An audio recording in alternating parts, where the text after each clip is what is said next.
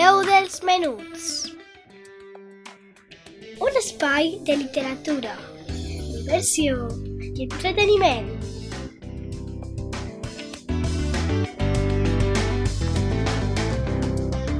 Amb Laia Esteve.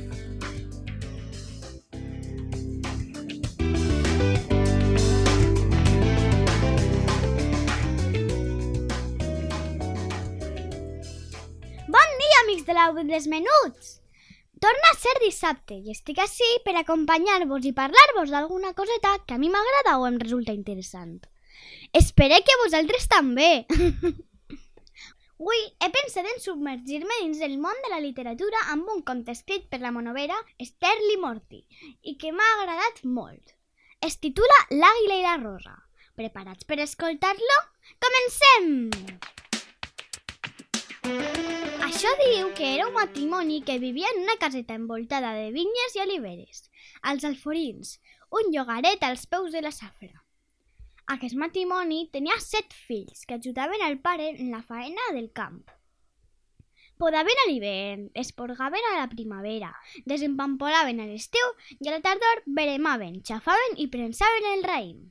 No els faltava de res. Tantes mans treballant els assegurava un jornalet però com que la felicitat sembla que mai no pot ser completa, la família enyorava les corredisses i les rialles d'una xiqueta per casa.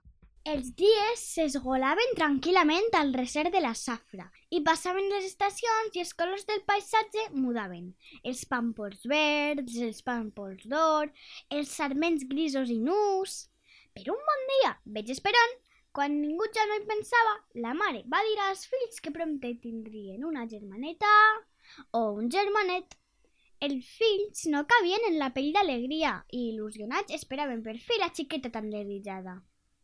Quan ja s'aproximava la data del part i els camps començaven a perdre la verdor, els set germans van haver d'anar, com cada any, a veremar ben lluny de casa. I cap allà que van anar ben tristos un matí de matinada. Com que no sabrien el sexe de la criatura fins la darreria d'octubre, en el moment de partir, la mare els va dir no patiu, fills. Si naix una xiqueta, penjaré una granera a la porta de casa. Si, en canvi, naix un xiquet, hi trobareu una escopeta. Es veu que en aquell temps ningú no havia entès encara que potser la xiqueta eixiria a caçar conills amb l'escopeta per a fer un bon arròs amb caragols el diumenge i que potser algun dels seus germans agranaria i deixaria ben espillada la casa. A mitjan octubre nasqué una xiqueta preciosa, una pareta ensucrada, ateixonadeta i tendra. El raïm ja pràcticament estava als cellers. Els germans prompte tornarien a casa. La mare, enjogassada, va voler enganyar els seus fills i va posar a la porta una escopeta. Però quan ells van arribar al camí d'entrada, decebuts van fer mitja volta i van decidir anar a córrer món pensant-se que tenien un altre germà. Va passar el temps i la xiqueta creixia amb l'enyorança d'uns germanets que no havia conegut. Cada matí, asseguda al portal de la casa, la mare la pentinava ben pentinadeta i li collia una rosa fresca i vermella del color de l'estanc. La xiqueta es quedava quieteta mirant el camí cap a la llunyania, la cava rasa, la cava fria, el barranc de caseta, l'armorquí, les enzebres... I imaginava llocs més llunyans que alguna volta havia sentit anomenar. Les Tres Fonts, l'El, el Carxe, la Cavallussa... On devien parar els seus germans? Perquè mai no van tornar a casa? Un matí que estava així, amb la mirada perduda, va veure que una àguila s'aproximava planant a pocs metres d'altura. L'animal va fer unes quantes voltes, s'acostà a la xiqueta i li furtà la rosa que sa mare li havia regalat. Aguileta, dona'm la rosa, pregava la xiqueta. A els teus germans la trobaràs, li responia l'ocell. I l'animal va començar un vol majestuós i sense pausa. La xiqueta va començar a seguir l'àguila més enllà del camí. Aguileta, dona'm la meua roseta! A que els teus germans la trobaràs!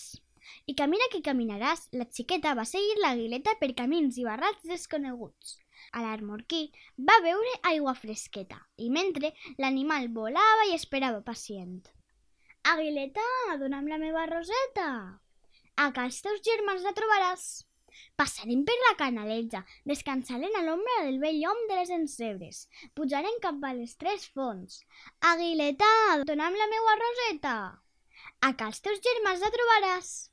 I així, camins i camins, fins a arribar a la coveta on vivien els seus germanets, ben lluny de tot. I és clar, ells no sabien que tenien una germana, i ella, vergonyosa, aprofitant que no hi havia ningú en aquell moment, va entrar i decidir amagar-se el pastador. I ella es va quedar adormideta, cansada d'aquell viatge tan llarg. Al matí següent, com cada dia, els germans van eixir a treballar i no van tornar fins a poqueta nit. La xiqueta, mentrestant, va eixir del seu amagatall i va aprofitar per agranar, escurar i preparar-los un bon sopar.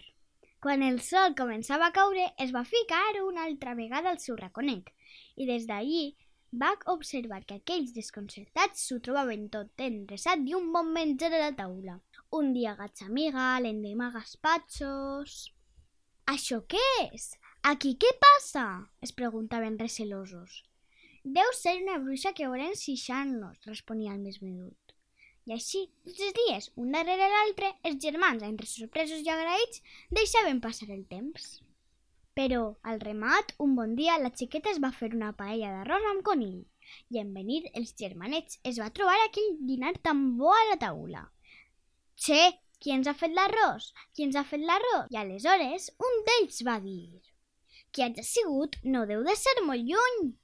Llavors, decidits, van començar a remoure tota la casa de dalt a baix, buscant per les gerres d'oli, per la pallissa, pel pastador, fins que finalment van trobar la germaneta tota ropideta i ben tapadeta dins d'una perola. Però qui ets tu? D'on ixes? La xiqueta, tremolant de por, els va explicar que era la seva germana, que on havien trobat una escopeta hi havia d'haver una granera, que una àguila li havia furtat una rosa i que seguint-la havia fet un llarg viatge fins a arribar a aquella coveta. Els jovens devanits i orgullosos la van abraçar i tots junts van decidir tornar cap als alforins a reunir-se de nou amb els pares. I així va ser que, gràcies a l'àguila i la rosa, es van retrobar tots al peu de la safra una altra vegada. I veges tu ara, per aquell temps, els camps començaven a verdejar i s'encetava un altre cicle de colors en aquell paisatge. I com t'he contat, per la ximenera se n'ha anat, i unes sabatetes blanques per a qui l'ha escoltat. I això és tot. Què us ha semblat el conte? Us ha agradat? A mi, molt. El que més m'agrada és el moment en el qual la xica comença a seguir l'àguila amb la rosa. És un moment en el qual demostra que és molt bona i lleial però no m'agrada quan la mare fa la broma i els fills se'n van de casa. Però bueno, que poc bromistes són els germans, no? Menos mal que la xica els busca i al final tots tornen a casa.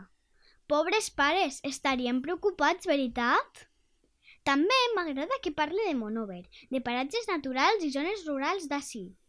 És bonic llegir un conte on apareguen llocs que coneixes, és a dir, del teu poble, i menjars tradicionals, com l'arròs amb conill, la gatxa amiga...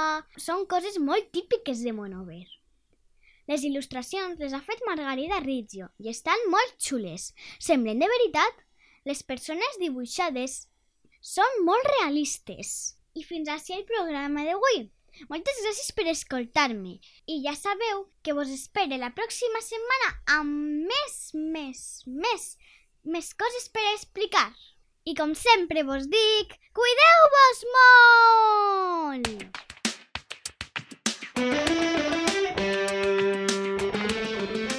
La veu dels menuts. Espai de literatura, diversió i entreteniment